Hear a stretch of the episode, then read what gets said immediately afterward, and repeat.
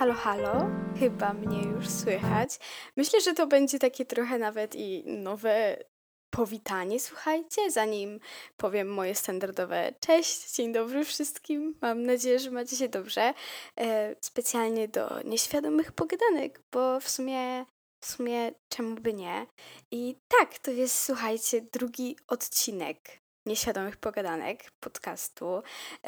Tak jak się zastanawiałam, jaki temat wybrać na ten niby drugi odcinek, niby pierwszy taki stricte tematyczny, tak jak sobie zaczęłam wypisywać, wiecie, te tematy, które bym na pewno chciała poruszyć, różne pomysły na odcinki, tak pomyślałam, że, że hej, po prostu nawiążę do faktycznie moich ostatnich przemyśleń, takich najświeższych. E, także, tak jak już możecie widzieć zapewne po tytule, jest on trochę taki, trochę taki ciekawy. Ciekawa jestem, czy ktoś się domyśla, jakie będzie przesłanie tego odcinka, ale jeszcze na samym początku, jeśli chodzi o takie sprawy techniczne, to dopiero jeszcze obcuję z moim sprzętem, z moim programem, dlatego e, mam nadzieję, że w tym odcinku dźwięk będzie lepszy. Tak samo mam nadzieję, że uda mi się jednak wyciszyć to chrapanie moich piesków e, w tle, bo wiem, że kilku osobom jednak to przeszkadzało, było takie dekoncentrujące. Także to tylko tak na samym wstępie jeszcze z takich technicznych informacji. E, także prosiłabym o cierpliwość, bo, bo jeszcze dopiero jestem na początku ogarniania tego wszystkiego. Pewnie wszyscy z nas doskonale znają to, tą taką sytuację, taką niezręczną sytuację cringe'ową, kiedy sobie rozmawiamy z drugą osobą, ta osoba powie coś, czego nie dosłyszymy i pytamy się, co? I, i wiecie, tak jak pierwszy raz, drugi raz się spytamy, bo, bo nadal po prostu nie słyszymy, to jest, to jest okej, okay, ale wiecie, już tak trzeci, czwarty raz. Jest w ogóle wiele memów nawet związanych z tym, że kiedy się spytasz trzeci raz co, a nadal nie słyszysz i po prostu tak w sumie niby udajesz, że słyszysz i próbujesz coś no, tak intuicyjnie powiedzieć, aby nie wyszło w miarę głupio, ale w sumie i tak wyjdzie głupio i i tak, to jest taka śmieszna, że tak powiem, metafora tej całej sytuacji, bo przesłanie tego odcinka jest takie, że hej, spytaj się ten czwarty raz, jeżeli nie słyszysz. I tak rozwijając w ogóle ten temat, ostatnio z moim przyjacielem, e, którego pozdrawiam, jeśli w ogóle to odsłuchuję, bo jestem pewna, że jeśli teraz tego słuchasz, to dokładnie wiesz, że mówię o tobie. E, rozmawiałam z nim i w pewnej chwili on powiedział mi takie jego, że tak powiem, nastawienie, którego ja wcześniej nie słyszałam, a wydało mi się intrygujące. Mianowicie, jeśli nie jesteś czegoś pewny, pewna, pewno, um, czy coś warto zrobić, ale w sumie tak cały czas ci truje głowę gdzieś tam z tyłu, um, to kiedy już to zrobisz, to masz 50% szans, że w sumie wyjdzie wyjdzie o wiele lepiej niż się tego spodziewasz. Um, a kiedy się nie podejmiesz tej próby, to masz 100% szans, że totalnie nic z tego nie będzie. Niedawno w którejś książce przeczytałam, że badania pokazują, że tak naprawdę my jako ludzie bardzo często przewidujemy, kiedy się w jakiś sposób nastawiamy do danej sytuacji i próbujemy przewidzieć, że tak powiem, najgorsze rozwiązanie, to zawsze to nasze najgorsze rozwiązanie jest w ogóle absurdalnie gorsze nie chcę, chciałaby to po prostu wybrzmiało, wiecie, tak dobrze, aby to było zrozumiałe to, co mówię, ale jest ono o wiele gorsze niż takie realia rzeczywistości.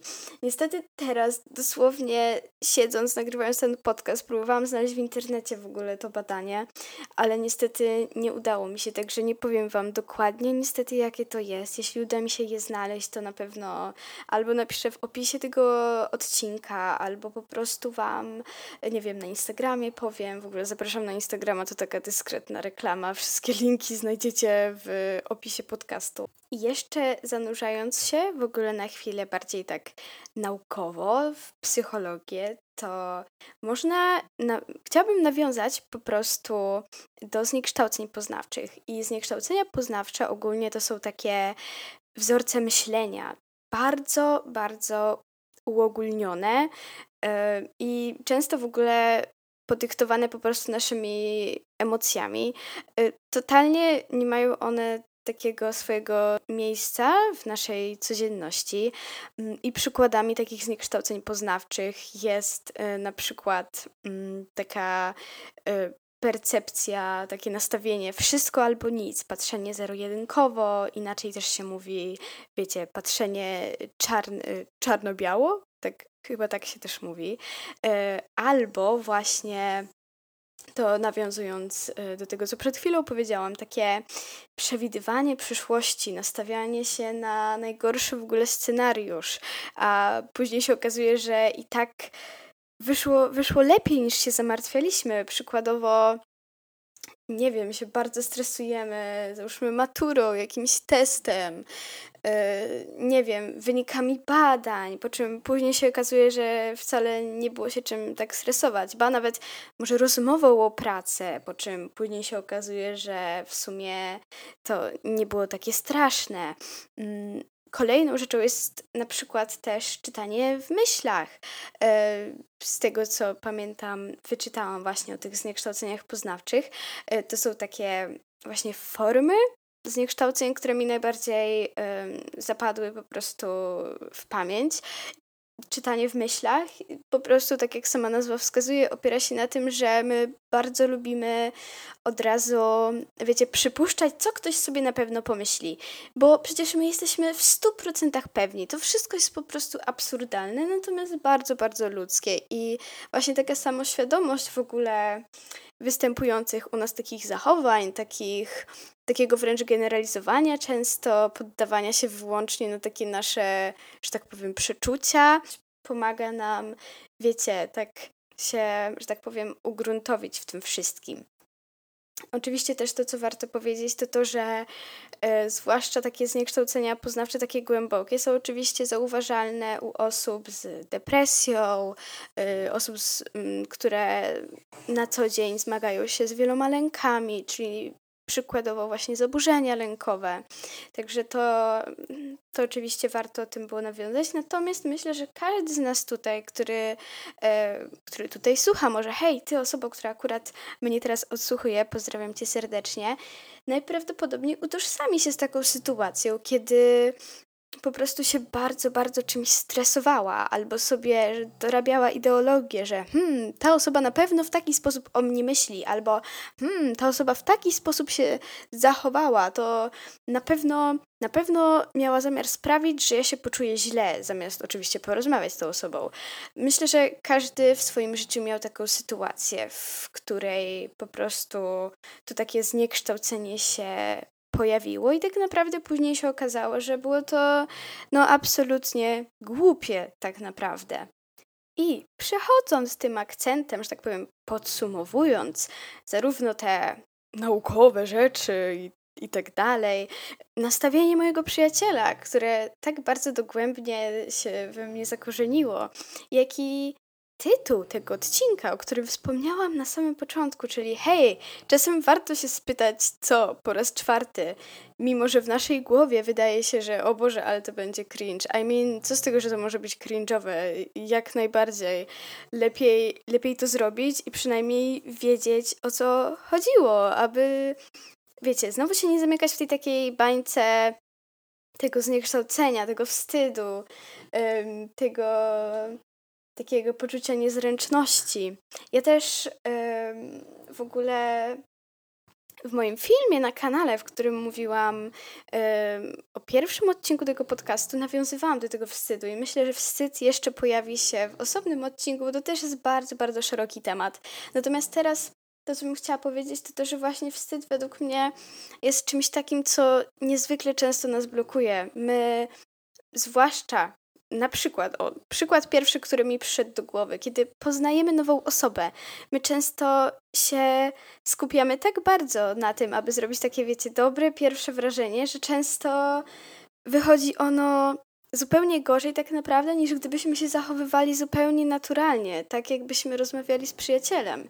I wiadomo, nie mówię tutaj o takim wiecie, nastawieniu, takim zachowaniu, mm, które jest, jakby to powiedzieć, takie przystosowane do danej grupy odbiorców, do danego człowieka, z którym rozmawiamy.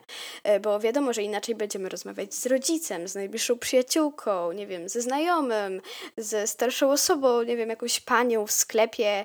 E, no, Wiadomo, nie mam tego na myśli, natomiast często właśnie taki wstyd, taka niezręczność, to takie poczucie, wiecie, cringe, że o Boże, w ogóle nie, co ja robię, jak to wyjdzie w ogóle, często bardzo wpływa na to, tak naprawdę jak się zachowujemy, często wpływa tak naprawdę na naszą codzienność. I myślę, że ja, kiedy tak naprawdę zdałam sobie sprawę z tego, że nie dobra Wiktoria, I mean stop, po co ty masz w ogóle się tak bardzo tym przejmować i czemu to macie w jakiś sposób ograniczać? Jeżeli ktoś pomyśli tobie w dany sposób, nie wiem, bo zrobisz coś głupiego, bo jesteś tylko człowiekiem i będziesz świadoma, że ojej, dana sytuacja była cringe'owa, znowu użyję tego słowa, ale myślę, że to najlepiej opisuje po prostu to, to odczucie, y, no to, no to trudno, no again, jesteś człowiekiem i myślę, że najważniejsze w tym wszystkim jest taki, taki dystans po prostu do tego, dystans, wiecie, tak jak każdy mówi, o, miej dystans do siebie, to ja tutaj nawet, wiecie, dystans do siebie okay, ale dystans do tego wstydu, który gdzieś tam w nas siedzi, który się, myślę, tym bardziej rozwija tak naprawdę, kiedy my dorastamy, no bo które małe dziecko ma w sobie taki wstyd, no nie? Ja zawsze jak myślę o takich mniejszych dzieciach, nawet jak myślę o sobie, jak byłam mała i o historiach z takiego mojego wczesnego dzieciństwa, yy, które po prostu opowiedziała mi moja mama, to dzieci są takie bezpośrednie. Dzieci, wiecie, one się nie przejmują, czy na przykład, o Boże, podubią sobie w nosie i czy ktoś uzna, że to jest w ogóle ił. tak, to był, to był bardzo już taki dogłębny przykład. Jestem tego jak najbardziej świadoma, ale akurat taki przykład mi przyszedł do głowy. Natomiast myślę, że właśnie fajne jest odnalezienie w sobie takiej siły, takiego właśnie dystansu, takiego wręcz czasem nastawienia I don't care, żeby po prostu odsunąć to takie swoje ego na dalszy plan i nie kreować tej takiej swojej otoczki, nie przejmować się tym, czy to będzie niezręczne, kiedy się spytamy kogoś po raz czwarty, hej, o co chodzi, tylko po prostu się zaśmiejemy, że e, omg, hej, e, weź mi powiedz jeszcze raz, bo po prostu nie ogarniam tego i tak dalej. I myślę, że to jest w ogóle super.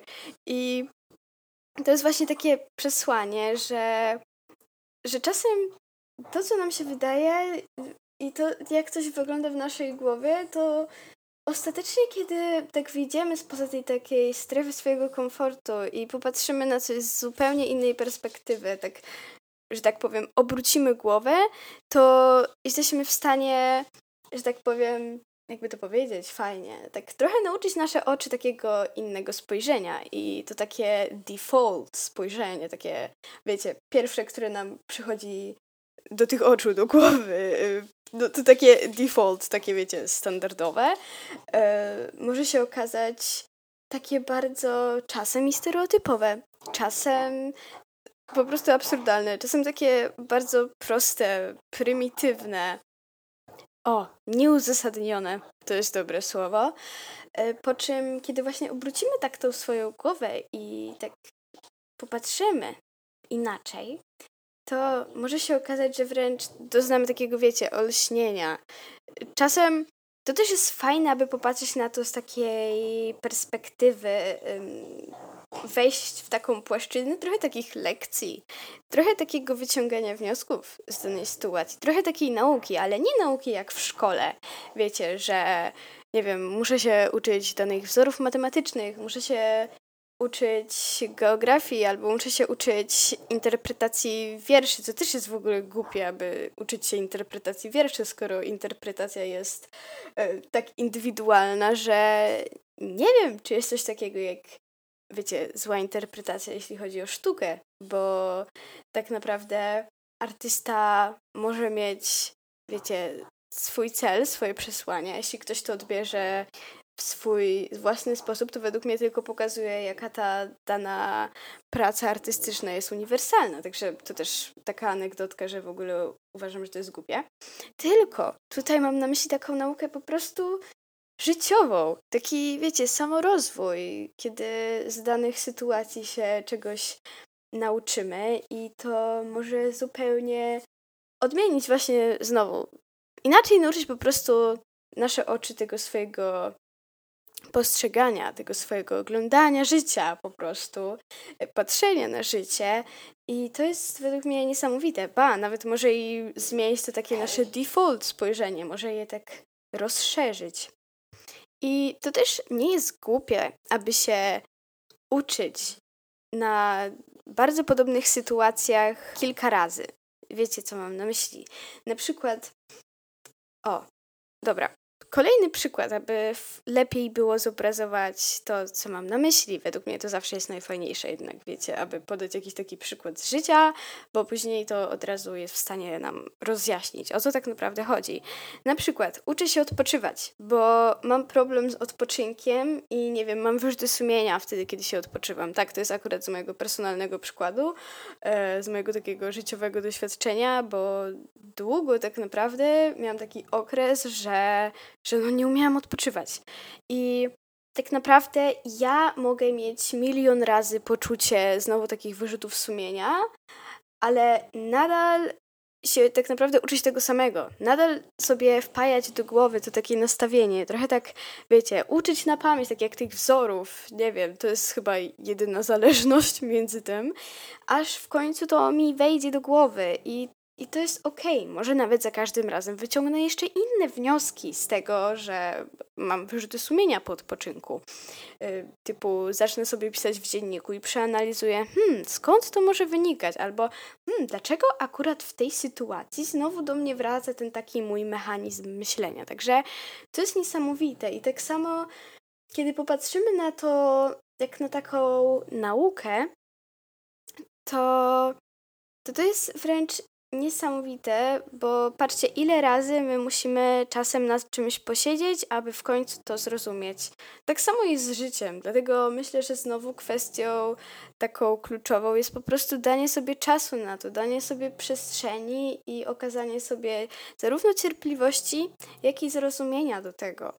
Także jak już jeden raz się przełamiesz i spytasz się, co po raz czwarty, wtedy, kiedy kogoś nie usłyszysz, wcale nie musi oznaczać, że później za każdym razem będziesz tak robić w podobnej sytuacji, bo to jest proces, to nie jest, wiecie, wyznacznik, to nie jest to znowu, to takie zniekształcenie na myślenie zero-jedynkowe. To nie jest obracanie się takie, wiecie, o 180 stopni, bo inaczej się nie da. E, absolutnie nie, bo da się w różne strony obracać i to jest niesamowite. To jest bardzo takie, wiecie, elastyczne. Trochę tak jak plastelina jest to nasze podejście, że my możemy sobie to zgniatać w różne strony i to jednak zachowa taką swoją formę, taką jaką temu nadamy, tylko że jednak my najpierw musimy tą dłonią trochę, wiecie, popracować. Często trzeba w ogóle tą plastelinę najpierw rozgrzać, wiecie, w dłoniach, yy, sobie ją tak poturlać w dłoniach. Ja też pamiętam, że jak byłam mała, to ja byłam, wiecie, myślałam, że jestem taka sprytna i ja sobie plastelinę kładłam na kaloryfer. E, Boże, nie umiem się wysłowić. Kaloryfer. Nie, chyba dobrze to powiedziałam. Okej, okay, nieważne.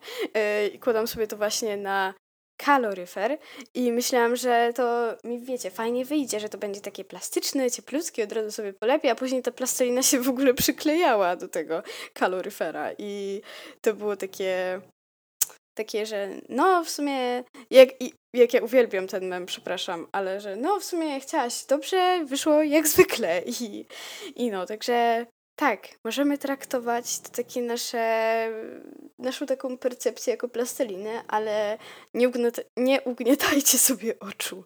E, tak, przepraszam, bardzo rozrywkowy segment.